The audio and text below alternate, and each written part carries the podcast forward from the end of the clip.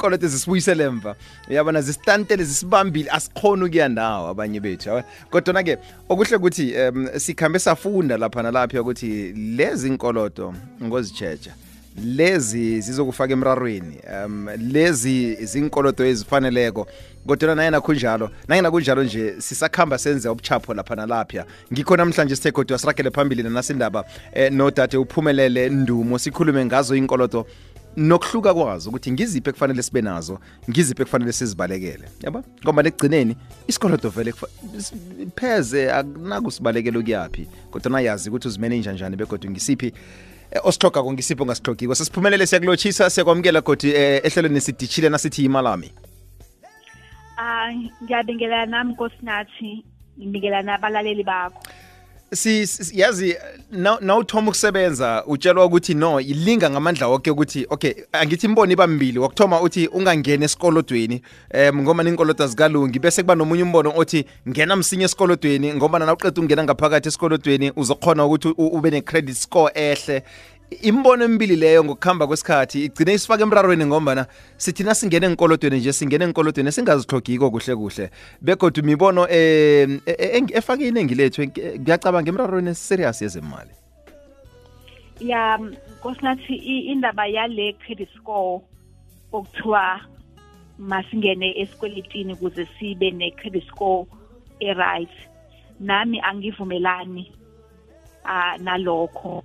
Ngoba iyenza ukuthi abantu bathathe isikoloto abangasidingi uthole manje umuntu usekane-credit card sekane-personal loan kanjalo kanjalo une-clothing store account ngoba ufuna uku-improve i-credit score so ngiyacabanga ukuthi into leyo ngempela njenge-south africa ama-consumers ekumele ukuthi simele phezulu silwele mhm. ukuthi akufanelanga ukuthi wena mhlambe ufuna ukuthenga imoto noma ufuna ukuthenga ikhaya kuthiwe aya uqualify ngoba unaso isikoloto. Mm, mm, manje mm. siyahamba othatha isikoloto ongasidingi and wena sofa usikhokhele isikoloto angikusengathi into nje yokusicindezela um ngiyawathanda amagama lana uthi indlela yokusigandelela ngomana um lokhu nawuvela emphakathini ongakakufundisi ngokwanele kongezemali nase ufika la uhlangana khona nemali kokuthoma ekungeyakho kwesibili ne-virtual money. Imali engasingiyakho imali ehleze ebank yabanye abantu um uphiwa i-credit card ine i-credit card ine-120,000 rands uphiwa ikarada lesitolo esithileko sezembatho ikarada lo line-15,000 rands. Into le ikwenza ubone kwangathi unemali ugcine usebenzisa nemali ngendlela engakafaneli um nekufaka emrarweni ukuya phambili. Yes ngempela ngempela you know nkosinathi asikho isidingo sokuthi umuntu oyofuna ukuthenga imoto mhlambi o umuntu ofuna ukuthenga indlu bese kuthiwe cha asisiboni thina isikweletu asikwazi ukuthi ubehave kanjani uzokhokhela lesi sikoloto leso. Ngoba manje sekuyakuqhoqa ukuthi uhambe uyothatha i-credit card. Nakhona futhi mhlambe engingakusho ukuthi okwamanje mhlambe singakakwazi ukuthi siyilwe lento. Um njengama-consumers ukuthi kufanele ukuthi iphele lento ngokubheka kwami ngempela kufa istophe lento mhm. ukuthi abantu baforce ukuthatha iyikweleti abangayidingi ngoba kakhulukazi basuke bethatha lokho esikubiza ngokuthi i-consumer debt mm, yabona mm, i-personal mm. loan abanye abantu umuntu une-personal loan uma umbuzo wawuthengeni une-credit card wawumbuza wawuthengeni akasakhumbuli nanokuthi bekathengeni kodwa kusafanele ukuthi aqhubeke akhokhe plus lezi zikoloto lezi futhi zinama interest rate abizayo. Oh yeah. Oh yeah. Ngoba oh, yeah. zi unsecured okusho ukuthi abakwazi ukuthi beze bazothatha lokho kudla mhlawumbe usukudlile oba bathathe lo holiday owawulithathile ngaleyo credit card. Mm -hmm. so ngoba ayikho i-security you know ma uthenga imoto for, for instance ungasayikhokheli bayakwazi ukuthi bayidle leyo moto. Ukuthi imoto iyi-security yaleyo loan. Mawuthenga indlu ungasayibhadali bayakwazi ukuthi bayidle leyo ndlu bayirepossesse ngoba isho ukuthi indlu is a security over leyo loan. So la amanye ama-loan awanayo i-security. So i-interest rate yakhona iyabiza uthola umuntu akhokha 80 percent and more kwi-interest rate yalama yale koloto ezingekho ezingenayo i-security. Aphinde futhi akhokhe lokhu asikubi abakubiza ngokuthi i-credit assurance. Yo yo nayo futhi yenza ukuthi isikoloto sibize kakhulu ngoba bathi if kuyenzeka uyashona uyafa usabhadala lesi sikweletu lesi then um i-credit assurance leyo efana nepolice iyona ezobhadala lesi sikoloto lesi. Yazi ngi- a- a- asibuyele emva kancane. Um nasiyithatha siyibuyisela kusurface siyibuyisele ekuthomeni apha. Kuyini umehluko ohlangana kwe-good credit ne-bad credit? Yes. So um- umehluko ke you know i-good credit isikoloto lesi othi uma usithatha usebenzise ngendlela yokuthi kusasa uzoba happy ukuthi kangisithathi lesi sikoloto ngoba uzoba better off. Ko- kodwana eh, o- omunye umuntu anga- angathi eh nalokha eh, sesiphumelele nalokha nangithethe isikoloto ngaya eholideyini uzizwa kamnandi mos. Hayi hayi hayi leyo no sesisebe- sesisebenzisa i- ihlathululo wakho le omunye uthabile ngathi yazi ngizizwa kamnandi ubumnandi ngiphumile besikhashana Oh, lapho yeah. yabona ubumnandi besikhashana after that you know uzobe usukhala futhi wena ikho- iholiday selidlulile ifike explain abangithi kuba mnandi kanjani? Let's say uthatha isikoloto u- u- u- u- u- uthenga indlu or u-improve indlu onayo uya-extenda ukuthi ube nkulu or mhlambe ufaka i-jojo tank ufaka i-security um one day uma usuthengisa leyo ndlu angithi uzowenza i-profit. Iyo so ngi- mangithi ke uba mnandi ngoba one day uma usuyithengisa leyo ndlu uzowenza i-profit so ubumnandi buba lapho. Or mhlambe unendlu wakha ama-backrooms and then ama-backrooms uzowaqashisa uthole i-rent kuwona. Kosinathi si- sisekhona? Ngikulalele mama. Oh okay sorry.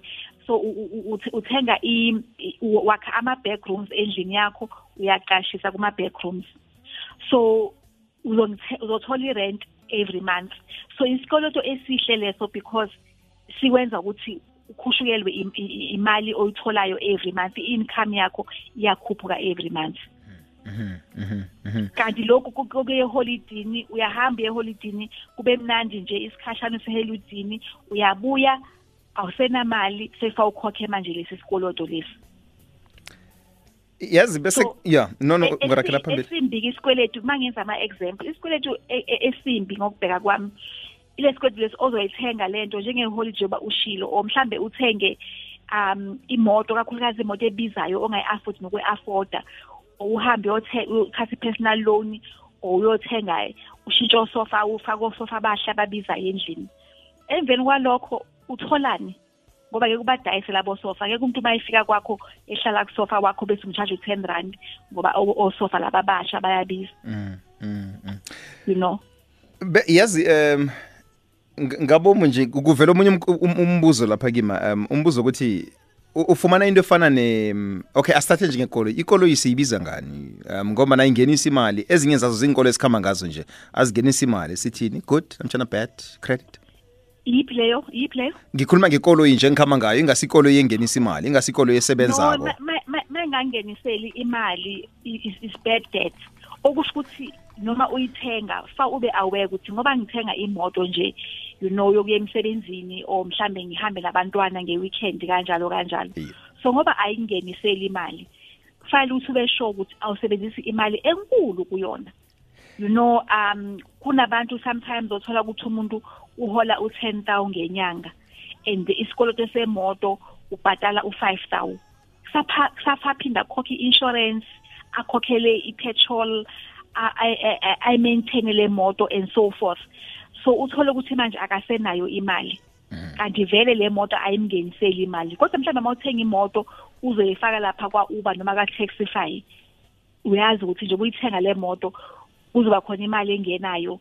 Um uzogibelisa abantu bakunika imali. Then you know kunomehluko. Ko- kodwana kuna- kunabanye abantu abathenga ikoloyi. Umuntu ayithenge eh thenga ikoloyi yaka 1963 ngomba na mhlawumnye yini? Antique ethileko. Mhlawumnye ngomba ne classic ethileko. Athenge ku- ku- kunepahla ethengwako.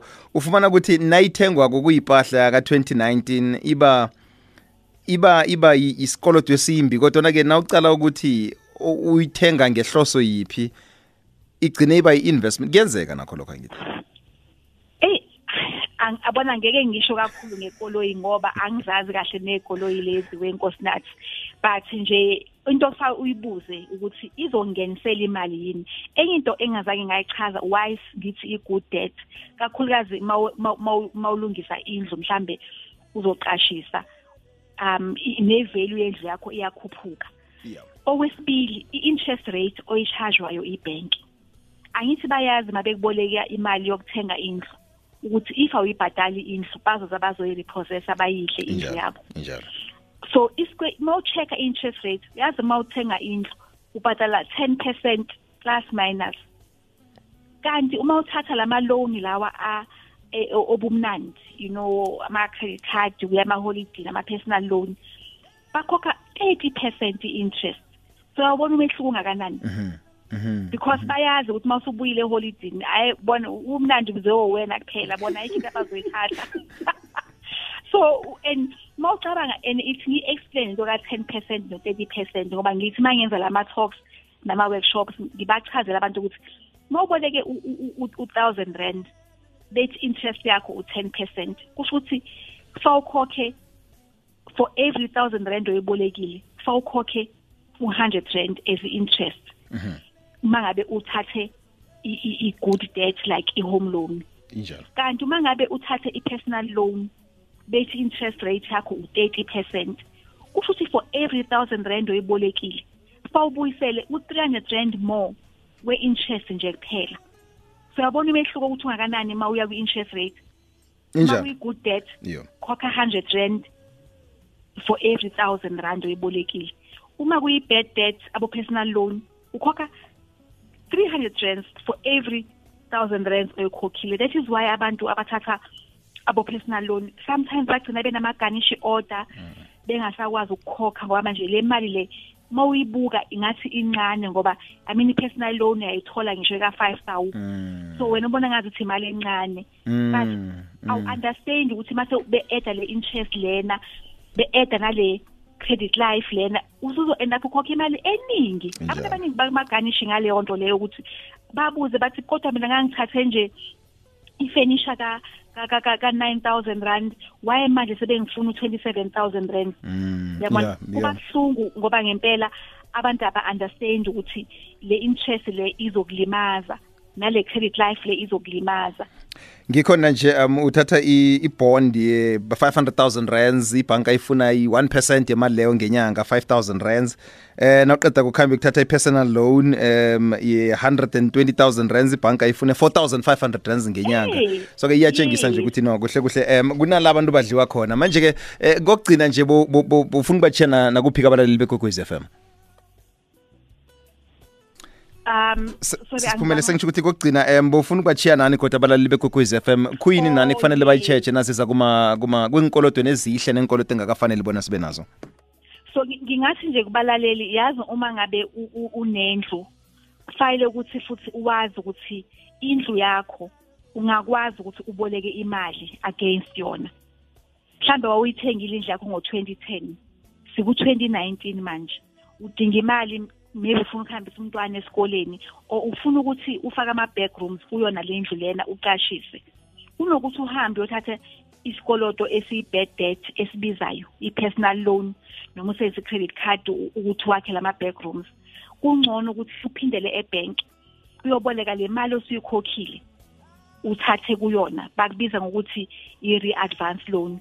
Uthathe le mali osuyikhokhile u-extend lapho ngemuva wenza ama-backrooms uqashise uzokhokha imali eship kakhulu kunokuthi uyoboleka i-personal loan. Abantu abaningi senze mistake ngokuthi sihambe sithathe i-personal loan si-extende izindlu sirenovate izindlu kanti besingasebenzisa i-loan esecure okusho ukuthi yona i-home loan le siboleke against yona. Sikhokhe imali encane ene-interest encane. Baza ngibona njani abothabile nangi-extend indlwami? Eyi yana sisiphumelele um isilapho kodwa siyathokoza. Siya- sokhuluma nayo kodwa ngokuzakwa ngitsho. Okay siyabonga siyabonga. Uphumelele ndumo umhloli wencwadi esihloko esithi from debt to riches. Eh nekuyincwadi ethengise ngale ku 25000 yamakhopi into ayikhuluma ko le yinto esayifunda ayifundise iningi lamasewula Africa pheze nephaseli lokho nje liyithengile nasincwadi 25000 yamakhopi wencwadi yakhe ngiyathokoza Themba Mazibuko uthi enye nenye into othi nawi angithi ke oyithengako ikwenzele mm, jama ngenze ngalendlela enye nenye into othi na uyithengako ikwenzela imali isikolodo esihle kodwana-ke into eziningi namtshana ama-asset amaningi thina esinawo ufumana ukuthi aphenduka aba ma-liabilities ngoba nagcina bamthwalo et mzwi muzika ayifani. Ngiyathokoza ngetweet yakho ne